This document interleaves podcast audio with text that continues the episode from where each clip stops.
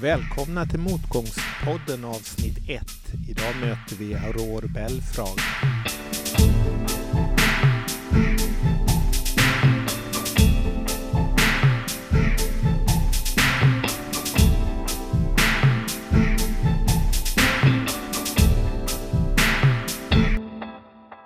Hej Anna och Håkan! Hej hej! Hallå? Kul att vara här med er. Ja, men det här ska bli så spännande. Vi börjar en liten resa tillsammans. Och eh, vi ska utforska motgångar, fails. Vad är det egentligen och eh, vad är motgång? Eh, vilka är de är jobbiga och vad innebär det att ha misslyckats? Hur lär man sig om motgångar? Och säkert också hur man hanterar andra i en motgång. Hur man själv är på det. Lite insikter kanske till det. Um, men vi kanske inte kommer att ha svar utan tanken är väl just att vi ska utforska och kolla lite vad är rätt frågor att ställa här. Både för sig själv och kanske för andra då. Ehm, och Håkan, du kom ju till mig med en idé för något år sedan, kommer du ihåg? Nej, jag kommer faktiskt inte ihåg det. Men, men det är... Och, och, och faktum är att jag tror nog att, att jag är här för att jag ändå söker svar. Mm. Eh, och eh, min ingång i det här är lite då att eftersom jag, liksom ni, har varit i startupvärlden Mm. och där eh, stöter man hela tiden på att alla pratar om att ja, men misslyckande, det är bra. Det behöver man för att bli framgångsrik. Men det är väldigt få som pratar om sina misslyckanden. Så det var ju det tr- tror jag. Och jag kommer inte ihåg. Kanske var jag som hade den idén med att vi skulle inleda ett samtal runt det. Mm. Mm. Men om, om det var du som tyckte vi skulle göra det så här offentligt i en podcast, det vet jag inte. Men det känns ju ganska relevant att göra det så. Ja, men det gör det. Superkul. Superkul att träffa. För mycket är det ju ett sätt att utnyttja det här för att träffa andra och få lära sig saker. Inte bara av oss. För eh, dig Hanna träffade jag första gången att jag såg dig på en scen på Venture Cup i, i, Göteborg. Och eh, du var moderator där. Och då tänkte jag wow, hon var häftig. Vad bra och duktig hon är. Henne vill jag lära känna mer. Eh, så tror jag vi sa hej eller så. Men sen så hade vi egentligen ingen kontakt på jättelänge. Men så dök det här upp och så började jag tänka så här. Vilka skulle jag vilja ha med här? Så, och Hanna, det bara dök upp i huvudet så här. Så jag är väldigt glad att du eh, tackade ja till att vara med. Varför gjorde du det egentligen? Ja, men framförallt för att jag inte kan låta bli nya utmaningar och jag tyckte det var så himla spännande. Jag har ju gått lite vidare från startupvärlden nu eh, men håller fortfarande gott öga och brinner ju väldigt mycket för att eh, just det här att startupvärlden också, att vi ska liksom gräva mer i, men vad, vad är det faktiskt vi gör och lever vi som vi lär och vad kan vi lära oss? Allt handlar ju någonstans ehm, om att bli bättre, tycker jag. Eh, Det är så mitt liv har drivits ända sedan ganska tidiga år och det här är en del av det, att faktiskt vara, reflektera kring det. Och jag tyckte att det var väldigt eh, intressant när jag fick frågan för jag var så här det stämmer ju att vi faktiskt inte pratar om det trots att det kändes som att vi pratade om det hela tiden när jag höll på eh, med mitt bolag där. Men kanske inte riktigt. Och eh, för att börja gå in i vår diskussion här så är det ju så Håkan att du gjorde en liten reflektion häromdagen. Att vad är det vi har gemensamt vi tre egentligen? Ja, det kan man ju fråga sig. Ja. Eh, Men, men eh, om, om jag gjorde en snabbanalys så tycker jag liksom att ja, men vi är alla tre ganska eh, duktiga. Det. Så, eh, vi, vi är bra på det, på liksom det vi eh, tar för oss och, och, och liksom levererar. Men i, i någon liksom sån generell mening så, så tror jag inte, ingen av oss har gjort frontsid, framsidan på DI så som eh, framgångsrika entreprenörer. Och då kan man fundera, sig, vad, vad beror det på då?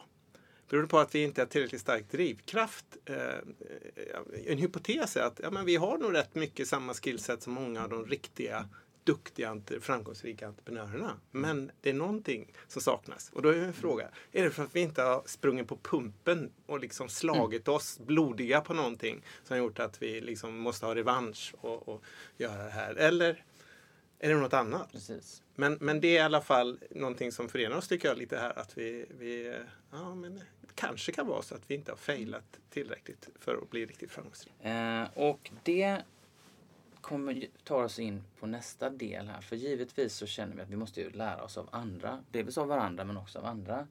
Och eh, då har vi ju tänkt att vi måste ju ha lite folk som har fått lite ordentliga motgångar. Som också givetvis haft framgångar också. Losers men, man. Ja, riktiga precis.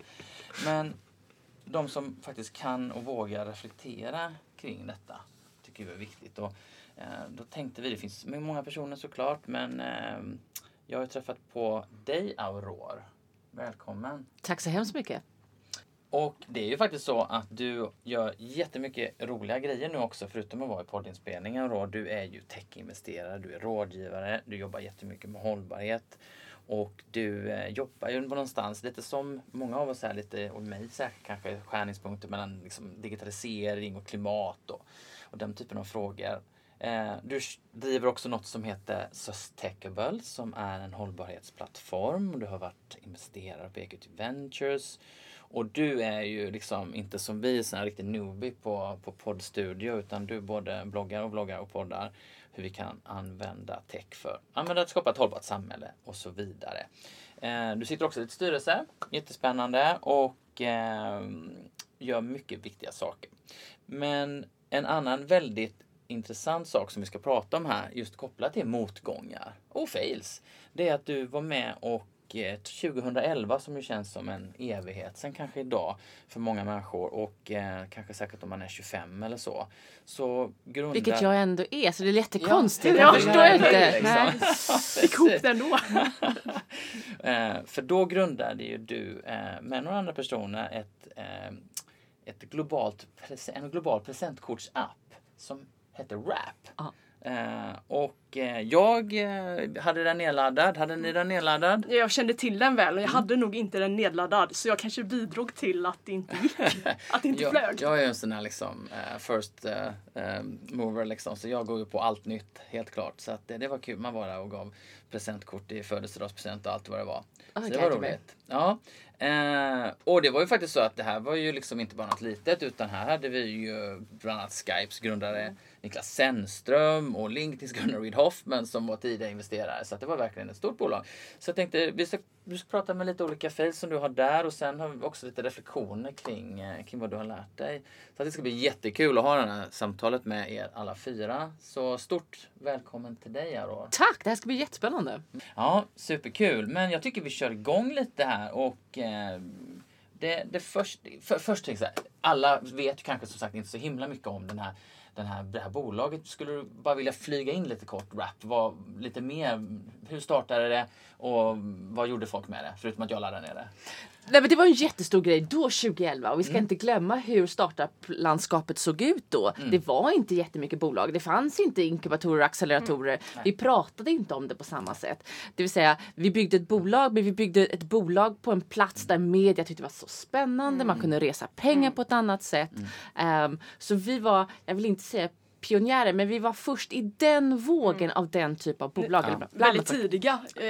Absolut, och, och jag tänker också just att eh, det är en sån boom nu men att, att ha som vad jag har utifrån förståelsen mm. att också vara väldigt global från början. Det var inte helt kanske heller självklart för alla. Nu tycker jag det att startar du ett bolag så är det så här att det går inte om man inte tänker globalt. Det, det antas liksom. Mm. Så jag tänker att det också kanske gjorde att man, att ni fick så mycket uppmärksamhet. Mm. Så huvudgrundaren är Hjalmar Winblad mm. som jag har jobbat med i olika konstellationer, mm. inte minst på Equity Ventures sen, mm. som är då fenomenal på att så här, äh, dra ut den stora tangenten, äh, rita en, en lång riktlinje. Han är global från början äh, och har varit väldigt duktig på att samla duktiga människor omkring sig. Så jag känner mig en stor förmån att få vara med på den där resan med honom. Och så var vi ett gäng till, bland annat Andreas En som var då the originals CTO på Spotify så också mm. kom med det där i sitt DNA. Ja. Eh, och, och ett gäng eh, till. Eh, och det var ett presentkortsapp. I efterhand så kan man då lite bredare prata om, om, om fintech. För det var ju kopplingen mm. mellan eh, hur du köper kreditkort eh, online, offline. Och tanken var så här. Vi hade gått ganska långt i online-marknadsföring som var då superspännande samtidigt som stora varumärken kliade sig i huvudet. Vi vet inte vad de tittar på online och sen går in i butik och köper. Så vi kunde inte koppla de här investeringarna. Och då ville vi hitta en väg att koppla det så att man eh, använde någon form av eh, reversed eh, rabattkupong som såg ut som ett presentkort. Så skickade jag dig 50 spänn på Nike till exempel. Och Nike hade valt, jag vill ha, jag vill rikta det här presentkortet till män inom den här åldern. Och så fick du det och så gick du till butik. Men då kunde vi koppla då olika beteenden. Och det var ganska nytt och spännande. Och, eh, och anledningen varför jag är här är så här. En bombmatta av misstag gjordes i eh, lansering, produkt, marknadsföring, finansiering. Eh, och som vi lärde oss mycket av. Mm, och det ska vi titta på. Och jag tycker det är också viktigt att komma ihåg om man inte var med. eller Det är lätt, lätt faktiskt att glömma av att 2011 iPhone lanserades 2007 i USA. Jag tror inte man kunde köpa den på de flesta mobiloperatörer i Sverige förrän typ 2009-10. Så att överhuvudtaget det här med att ha liksom en, en app och så, det var relativt Ja, nytt och, och sättet vi använde Facebook var Ja. också väldigt annorlunda. Så vi använde ju Facebook som vår liksom, plattform ut och vi, eh, som man studsade sig det här presentkortet kring. Och det var också en helt annan era. Så att man får, analysen mm, bör vara med någon form av historiska glasögon, vilket är helt bisarrt att det, att det redan är så här passé. Ja, Jesus. Mm. Ja, herregud. 15 år sedan iPhone. Men det finns viktiga lärdomar som inte handlar om det här bolaget utan om generellt om att bygga bolag, att internationalisera, att skaffa kapital. Precis. Får man bara fråga, var kom idén ifrån? Var, var, varför? Jalla hade idén. Han satt och klur, klurade på... ehm, för det hade kommit en rapport precis innan. Ska vi se att jag kommer ihåg rätt. Jag kommer inte ihåg vem som var avsändare. En rapport som hade sagt just att 90 hmm, något procentsats eh, av köp fortfarande gjordes i butik. Och då var det så här, ja, men hur, hur går det här till? Vi lägger mer och mer pengar på, på digital marknadsföring men folk fortsätter gå till butik. Något saknas. Och liksom, där började han klia på den här utmaningen. Men, eh, men vad, var, vad var den första fejden som... som Nej, men sen när du ringde och, och ville mm, eh, prata motgångspodden så Mm. eh, som sagt eh, smörgåsbord av utmaningar. Men Mm. det som så här, framstår som en av de större misstagen vi gjorde som man kanske inte pratar om på det viset var. Jag skulle vilja hävda att vi tog in för mycket pengar för tidigt. Mm. Och det där är ganska intressant för att det skapar otroliga vågor, eh, ringar på vattnet, vågor på någonting. Jag kan inte prata svenska ordentligt. Eh, effekten av att ta in för mycket pengar för tidigt. Dels är det så här, ska man bygga ett bolag och du ställer frågan, vad, vad kom idén ifrån? 100 procent, det vill säga 127 procent av din tid ska gå till just detta. Hur fungerar brands, konsumenter? Vad vill de göra? Vad finns produkten? Vad finns kedjan? Vad får någon att gå in i butik? Vad får folk att interagera med varandra? Och där ska man bara sitta hela tiden och bara grotta in sig där, där, där. Lägg på 24 miljoner dollar. Och folk tänker inte bara på det, utan de tänker på hur förmögen kommer då jag bli? Och så eh, DI struntar fullständigt i exakta brandet och konsumentets beteende. De vill också prata om 24 miljoner dollar, Reid Hoffman, Niklas Zennström. Och det påverkar hur man bygger produkt, hur man är, hur man tänker på sig själv. Ehm, och sen vänder det. För eh, nu hänger vi ut DI, men de får vara liksom representera media. För då eh, pratar de om, och eftersom det var det där landskapet där vi var en av de få. Och så hade det hänt någon katastrof, jag kommer inte ihåg vad det var. De kommer inte att bli världens största. Vi kommer inte vara eh, the global dominators. Va? Vi kommer inte vara the global dominators. Jag kommer inte bli förmögen. Jag överdriver för att göra en poäng. Men så här, att, att fokusera för mycket operativt på den här framgångsbiten. Och där är min stora kritik mot uh, the Silicon Valley story of how to make it bla bla bla. Gör att man inte eh, bygger bolag med den kärlek och fokus och eh, stamina som krävs. Alltså med, med, med pengar kommer förväntningar också. Och för, Och, med eh, förväntningarna kom marknadens antagande om att vi hade kommit längre än vi hade gjort. Och det tyckte jag var intressant. Och i efterhand kan jag reflektera. Vi köpte medias bild av oss själva som vi porträtterade ut. Så vi trodde också att vi hade kommit längre än vad vi hade eftersom de började prata om oss på det viset. Ehm, och det där kan man ju naturligtvis, om du är en erfaren eh, entreprenör och ett erfaret gäng, då kan du nog dansa den där dansen ganska bra. Men vi var, de flesta av oss var ganska unga och unga i vår resa och inte gjort det där förut, även om man kom från corporate.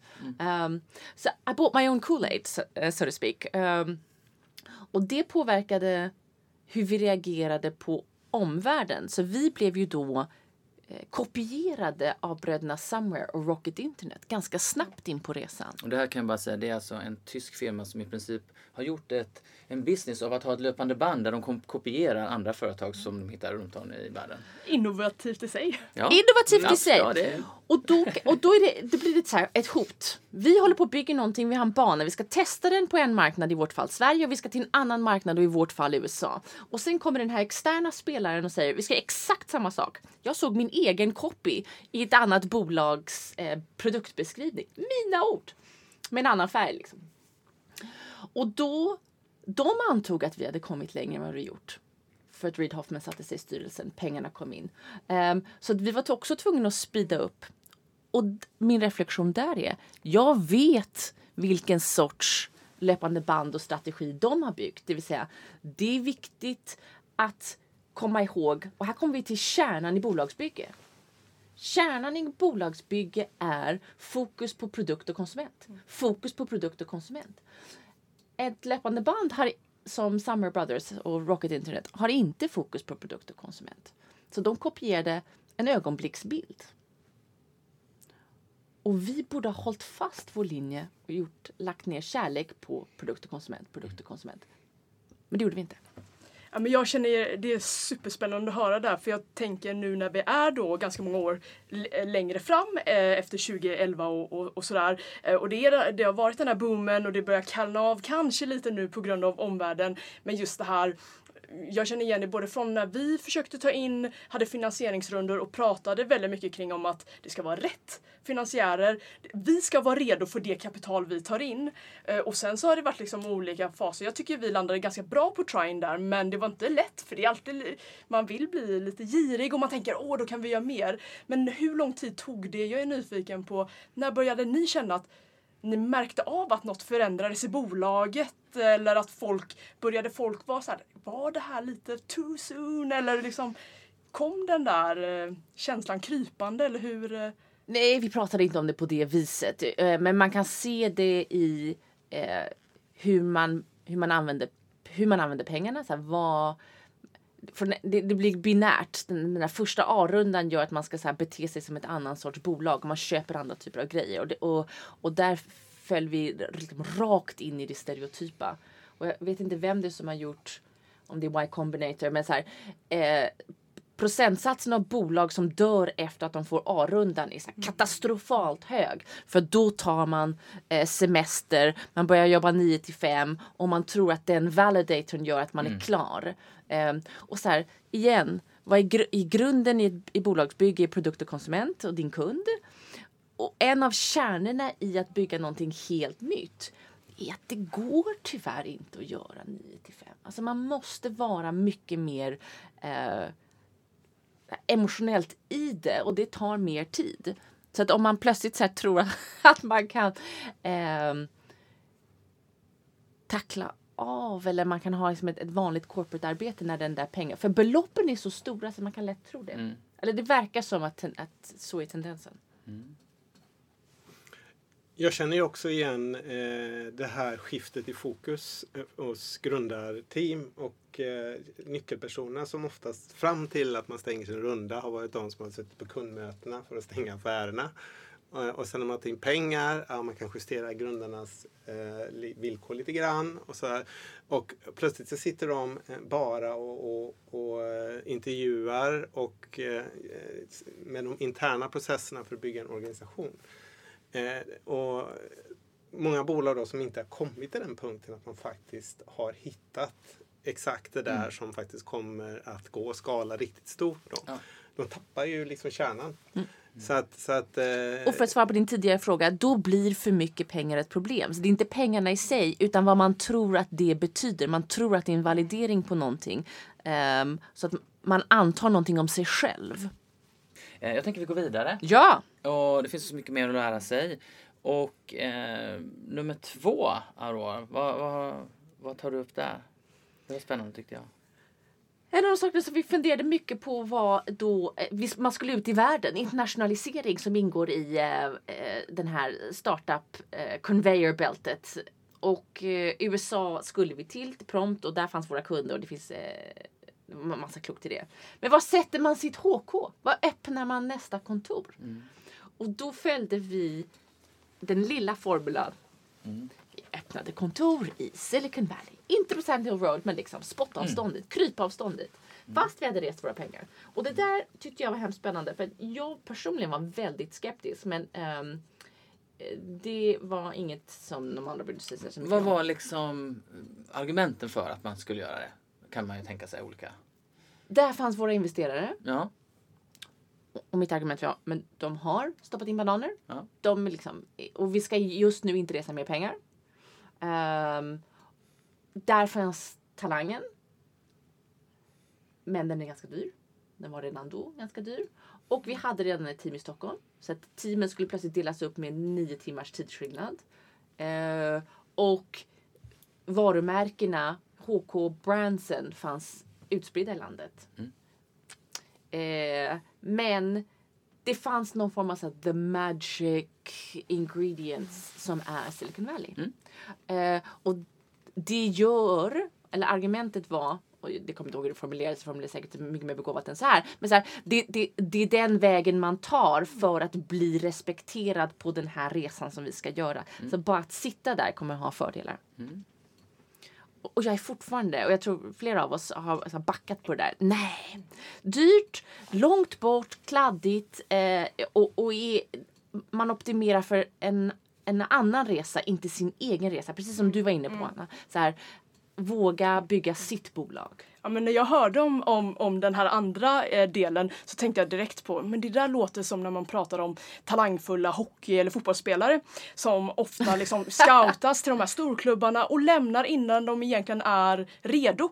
Eh, och det kanske inte är rätt val för dem men det finns en trajectory, liksom. det finns ett, ett sätt där det är så här okej, först spelar du där, sen går du dit, spelar i något B-lag men det är också otroligt många som mår dåligt. Vissas karriärer slutar innan den ens har börjat. Jag tyckte jag såg liksom väldigt mycket likheter kring det. Vad, vad tycker du att du har lärt dig av det här nu när du investerar idag i bolag? Är det att göra din egna resa eller vad? Nej, men det är dels att göra din egna resa och sen så här, USA är en stor marknad men den är väldigt fragmenterad. Um, jag personligen tycker att eh, Mellanöstern är spännande men jag är också så här wannabe middle easterner så att jag är inte helt objektiv i, i, den. Men det finns andra marknader som är spännande ehm, och, och, och om du är lever med din produkt och din kund då kommer din resa bli naturligare än om du lever eh, bredvid din bok Successes eller någonting av Sand Hill Road. Ehm, så så det, det är det som är. Men sen är det också den här utmaningen. Vad heter den? En bok som kom ut nu nyligen. Range. Men po- poängen är att om du vilar dina eh, nästa karriärsteg på gamla meriter, då är du i princip redan fakt. Det vill säga aldrig lär, eh, lära dig, men aldrig förlita dig på det du har kunnat. Utan det man ska lära sig är att lära om sig och, och titta nyktert på varje ögonblick som ett barn. Vilket är naturligtvis svårt för du har med dig ditt bagage. Men att så här, inte tro att, att du har hittat, eller eh, jag försöker att inte ha ett recept. Vad, det är också kul bara, vad händer då när ni öppnar det här kontoret? Då? Åh, så kladdigt. Åh, så mycket resor och så allting. Så här små tickets. Varje Ja. ticket tog en dag. Vissa saker kunde ta i tio minuter. Men det är så här, allt skulle bollas mellan. Ja. Eh, dyrt, dyrt kontor. Och sen hade vi, och det behöver man ju inte ha, men vi hade ju kulturella issues med vilka vi var. Eh, och sammanhållning. Det, kan, det blev inte bättre av att ha ett kontor eh, i, i San Francisco. Plus att vi hade satelliter. Nej men det var... Jätteintressant att höra om det här Auror, om man, huruvida man ska öppna kontor eller inte direkt när man ska expandera. Sen har vi en tredje motgång Eh, och lite Lärande. också. Lärande. Ja, precis. Ja. Som, som, som du eh, stötte på eh, personligen kan man säga när du var ute. Jag var ju eh, säljansvarig. Ja. Och att sälja är svårt. Vem, vem sålde det till förresten? Vilka var Vi det sålde som de till- ni sålde till? Vi sålde till stora varumärken. Ja. Nike, H&M, eh, Victoria's Secret. Mm. Jag kommer inte ihåg alla. Jättefina indiska. Så det var svenska och Ja. eh, amerikanska varumärken. Mm. Och, och där var ju så här att komma med någonting som är nytt och innovativt och så här, lägga på energin som kommer av och sen så glöm inte de hade den där stora grejen så de hade läst på morgonen om alla pengar vi hade rest och vilka vi var. Alla var liksom lite celebrities i sin eh, och så, så hade vi studs i dojan och sprang upp och träffade eh, vd för stora bolag och mär, mär, mär, mär, och slide på slide på slide. Och sen efter våra möten så fick vi ett high five och så studsade vi ut. Ja, vi har sålt. Och så gick vi till nästa och så fick vi ett till high five innan, efter det mötet. Sålt. Och så, och så hände ju ingenting. Alltså det, det hände ingenting efter möten. Våra framgångsrika high five-möten ledde inte till varken signaturer och, och var det en signatur så blev det liksom inte en implementering. Och det där tog ganska lång tid innan eh, en självrannsakan kring att vi klev ju in i de där mötena med strålkastarljuset på mig på oss och vad coola vi var. Eh, och så sprutade vi ut dels buzzwords men också namn. Sennström, Hoffman, Hjalmar Winblad, Spotify. Så det var väldigt svårt för motparten, ett att förstå vad vi gjorde, men framförallt att ställa kritiska frågor. För att vi var så självsäkra eh, i vad vi sålde. Och, och, och inte så här ar- jättearrogant utan här, genuint glada, unga. Eh, och istället för att då skina eh, strålkastarljuset på bolaget. Vad deras problem var, vad de hade för utmaningar och sen så här mjukt sälja in. Och alla som är då över 23 och har haft ett säljjobb och som lyssnar på detta eh, tänker "Ah, banalt. Det fattar väl vem som helst. Men jag ser det här misstaget om och om igen. Även hos rutinerade säljare. För att man fylls upp av någonting som gör att motparten har svårt att kritisera. För det blir lite det känns lite som de tappar ansikte när de säger men jag, jag, jag fattar inte vad du menar. Det är väldigt svårt att säga. Det vill säga man måste optimera mötet för att låta motparten få ställa den frågan utan att känna sig dum. Det är en helt annan teater. Och det tog ganska lång tid innan jag förstod det. Ja, men jag kan relatera till det. Jag men, när jag började bygga produkt så, ehm, så blev det att man mycket gjorde teknisk sales i början. Man, Ja, det man, är ännu värre nästan. Mm, man, man var med som liksom te- teknikexperten då, så ofta demade man ju systemet då. Sen så kan man säga övergick jag också mer och mer till liksom var mer att man sålde, säkert i de här typ Enterprise IT som jag var i då, så är det väldigt mycket att du säljer på expertis kopplat till det. Så det är ganska svårt att sälja. Det tar lång tid att förstå de här, ännu jobbigare för alla att förstå.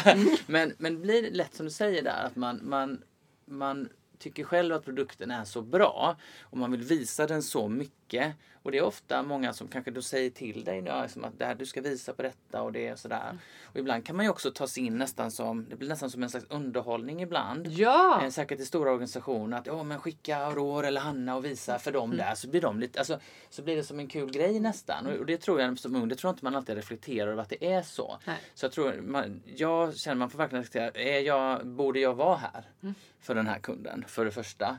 Eh, och vad behöver de? Som du säger, det måste börja där någonstans. Och Eh, samma när ja. du pitchar investerare Mm. på ditt bolag. Mm. Eh, då lägger man alla sina minuter på att visa upp the shiny new thing. Ja, Och istället så ska du fundera på vad är elefanten i rummet som de inte säger. Mm. Vilka är anledningarna varför investeraren mitt emot mig Mm. tänker nej? Är det teamkonstellationen? Är det att Google har gjort något liknande? Eh, så här, låtsas inte om som du inte har några konkurrenter. Ehm, och så vidare och så vidare. Och det är där du börjar. Så här, begåvat väver in en väldigt duktig talare är ju eh, förre presidenten Barack Obama. Mm. Han börjar ju alltid med Ni tänker att jag har fått kritik för och Mm. så adresserar man det som är jobbigt. Det är ju klassiskt inom medieträning. Ah. Om man gör det bra så ska man ju börja så för att alla kommer ändå tänka Alla kommer ändå på tänka. en skandal eller vad det nu kan handla om. Mm. Men vad, vad, har du något handfast tips på hur man, för jag tänker ofta att en del kan vara att man är jätteexalterad över sin Ja, grej. men det är bra också. och, och så, men en del skulle också kunna vara att vi lever i ett samhälle där alla gärna eh, vill tro att man fattar allting och ingen vill heller, eh, särskilt i Sverige tror jag, ingen vill peka ut någon annan att jaha, det ser ut som att du inte hänger med när jag står här och drar detta. Eh, det kan ju kräva lite mod för att våga vara den personen som på ett trevligt sätt är så här. det finns inga Ah. dumma frågor. Tricket är Mm. Att man tar in en tredje part, en secret i rummet. När jag berättar det här så jag- får jag ofta frågor om. Mm. Och så ställer man då frågan som eh, motparten antagligen skulle vilja ställa. Eh, och sen så låter man... Eh, Mm. men, men förberedelsen för mötet det är att så här, lista upp vad är de topp tre svagheterna? Vad är de topp tre riskerna som de ser? Och ofta är det inte nödvändigtvis produktrelaterat men att man måste vara ganska kreativ i den där processen innan. Ehm, är det att jag inte kommer från den här branschen? Eh, är jag stereotypt inte, passar jag inte den här rollen på något sätt? Eh, finns det någonting här, och, och då behöver man kanske någon som liksom hjälper en att så här, kritiskt komma på. Vet du vad? Du, har, eh, du, du sitter här i kostym och slips. Det blir jättekonstigt i mötet. De kommer tänka att du är en... Mm. Så här ser folk stereotyper ut. Eller vad det nu kan tänkas vara. Jag hittar på. Du har väl lärt oss väldigt mycket här på de här tre motgångarna. Det är kanske jag som ska skicka fakturan. Här. Du ser här, herregud. Eh, Men eh, vi har pratat lite om att inte kanske ta in för mycket pengar. Vi har pratat om hur man kan hantera expansion, att det, där kan man lätt få motgångar. Och att i sälj kan man få motgång givetvis i varje möte men kanske också som en hel struktur då. Eh, så jätteintressant tänker jag. Och när du och jag pratade då så hade du också några du kom på liksom några reflektioner. Nej, men det här var så underbart att liksom marinera i mina egna motgångar. Och precis Ja. som du sa när vi inledde Håkan, så var det Ja. så här, det här är ju en, en mognadsprocess där man liksom lo- förhoppningsvis långsamt rör sig framåt och det finns, a- det finns inget slut på eh, det här lärandet.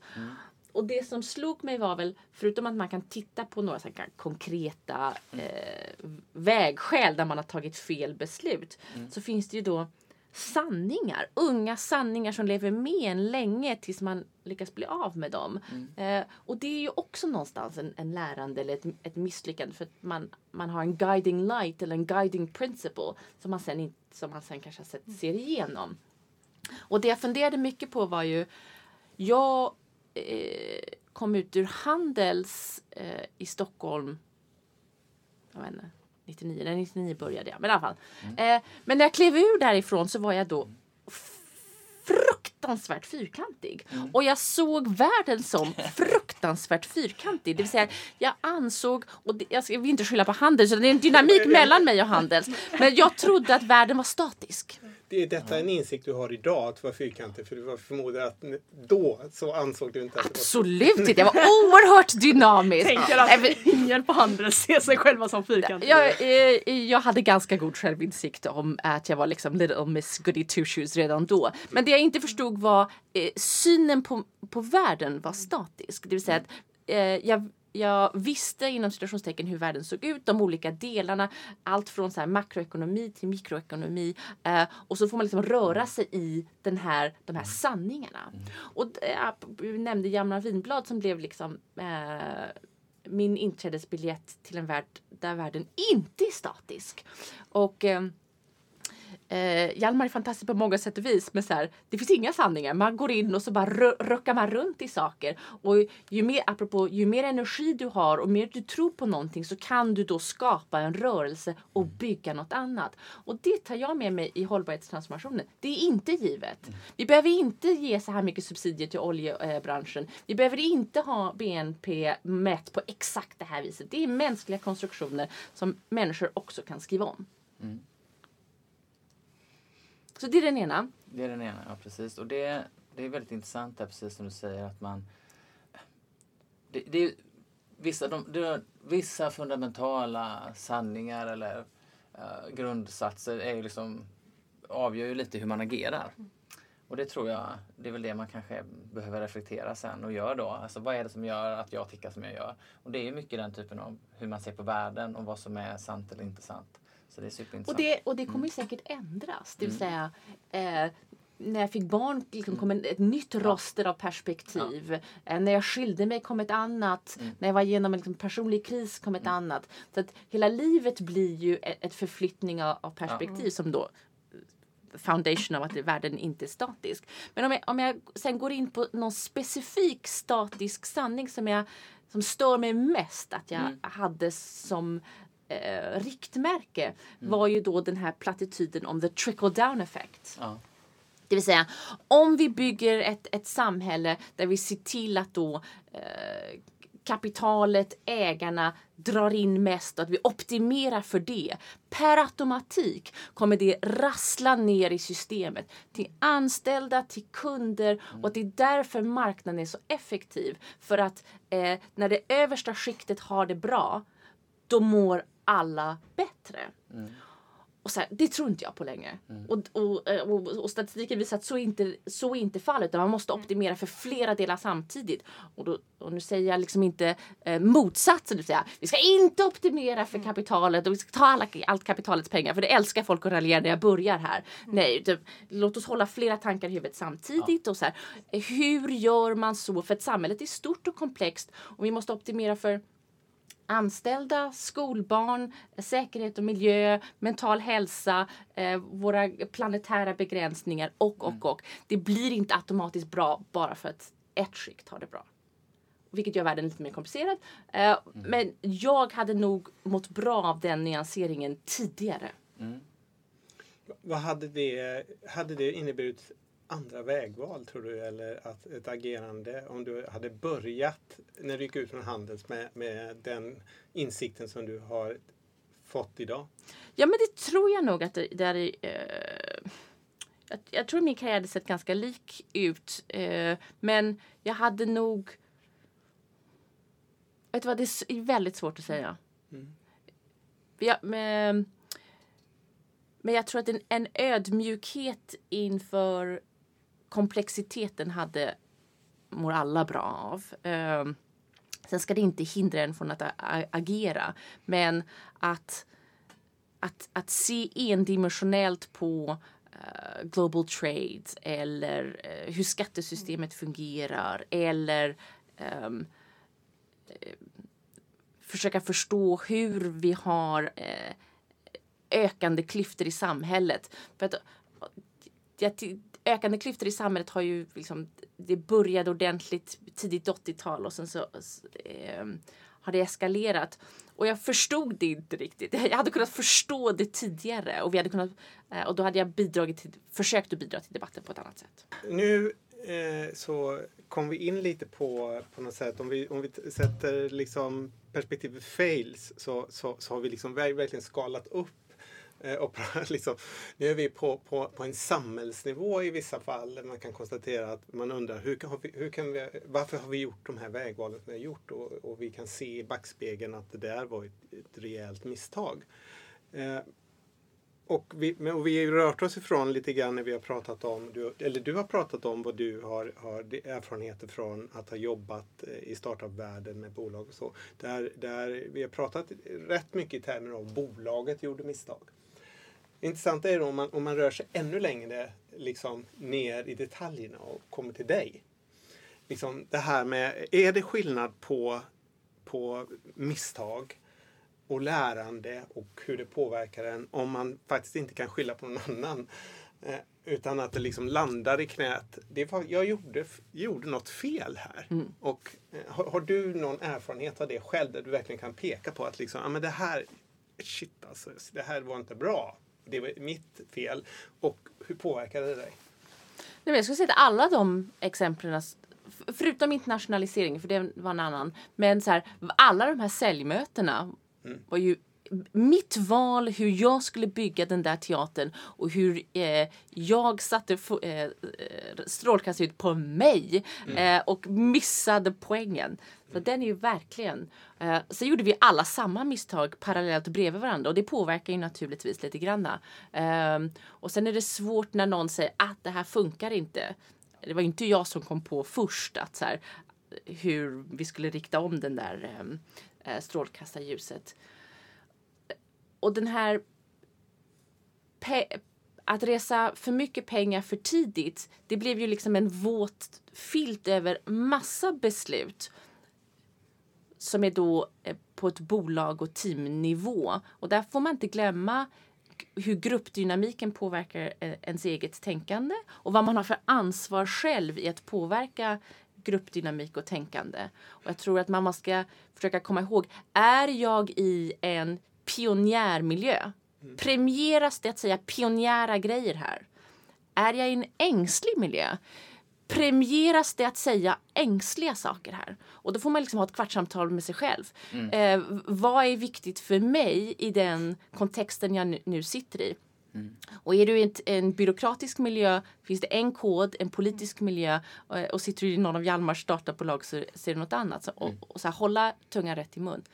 Men till syvende och sist blir det blir alltid ens, ens eget ansvar. Det blir ju på, på individnivå och jag tror ju apropå att det kanske man skulle kunna lära sig. Ju fler gånger man har lagt sig och släckt lampan och bara fan gjorde jag så för.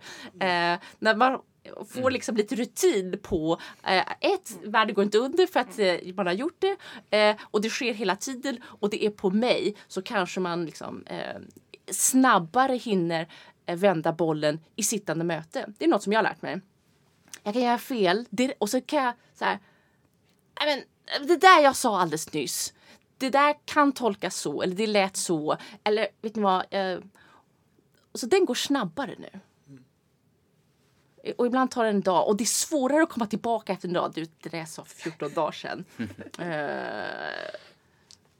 så det är ju skönt att man liksom börjar bli snabbare i vändningarna i huvudet. Eh, eh, en annan dimension, ni, ni var ju en grupp som på sätt hade i någon form av delat ansvar. Om, om, om, du, om man skulle fråga dem som du gjorde resan ihop med om, om fails, gör ni samma analys? Finns det någon skillnad på er?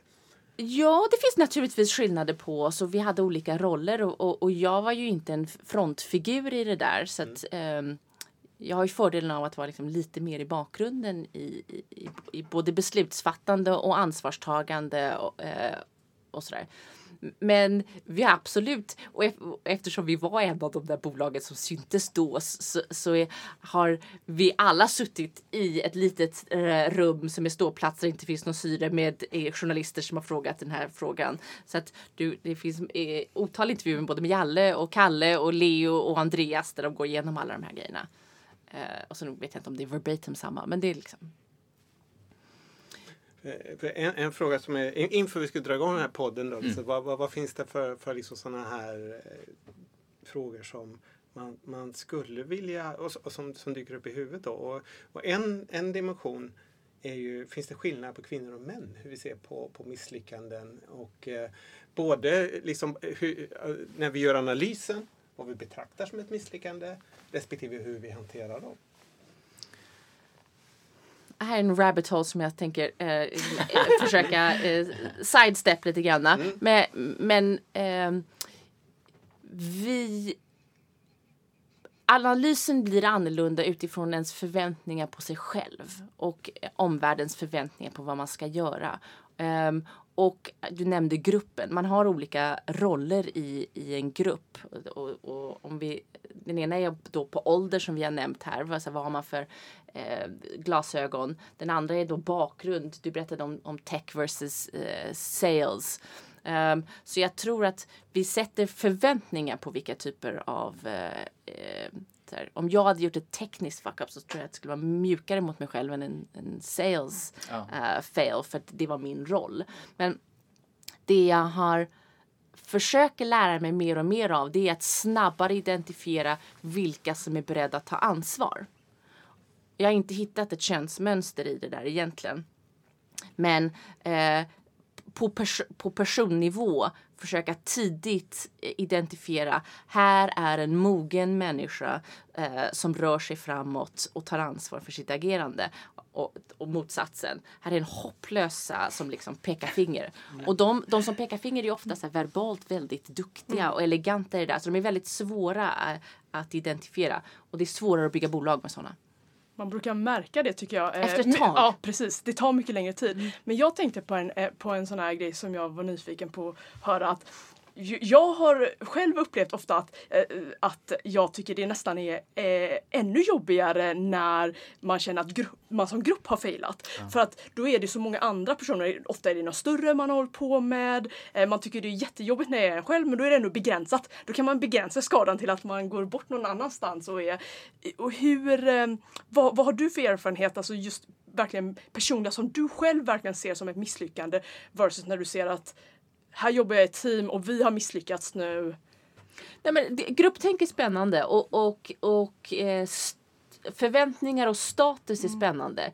Vi frågar oftast människor som vi anser har status. Så här, hur, ska, hur ska jag agera i det, i det här eh, dilemmat? Och sen så anser vi att de vet saker.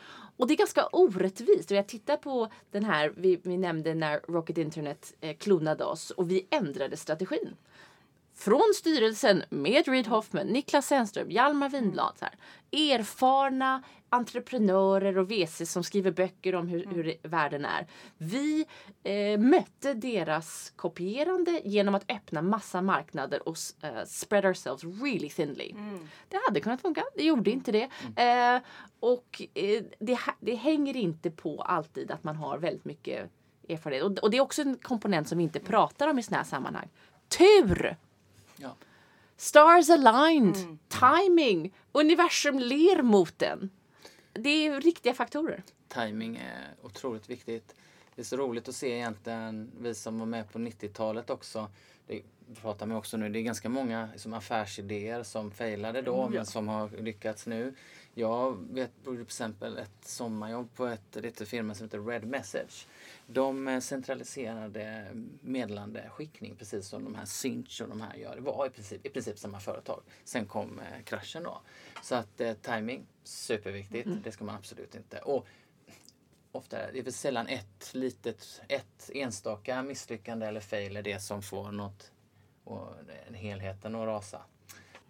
Jag tror ingen kommer lära sig någonting av den här podden, no offense. Men det, man, det finns en igenkänning i att jag kommer att misslyckas, andra har gjort det och jag Ja. kanske ska fundera på hur jag reagerar. Mm. Så jag, jag, jag har svårt att tro att någon inte kommer repetera någonting av era gäster bara för att de lyssnar på det här. Ibland är det ju så att vissa grejer måste man få misslyckas själv med.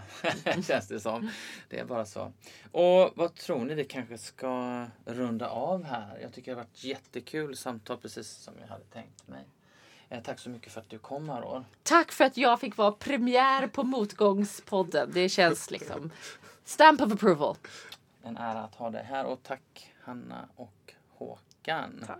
tack. Tack. Eh, Får vi se här om inspelningen stannar kvar på datorn och om vi inte klipper sönder den och om vi får upp den någonstans. Jag insåg Eh. att vi tryckte, tryckte nog på livestream här så att eh, den, ligger redan ute i Ja, då är det löst. Så Härligt. att eh, det står folk utanför här och vill anmäla sig till nästa podd. Ja, faktiskt. Vad roligt. Tack så hemskt mycket. Det har varit jätteskoj. Tack allihopa.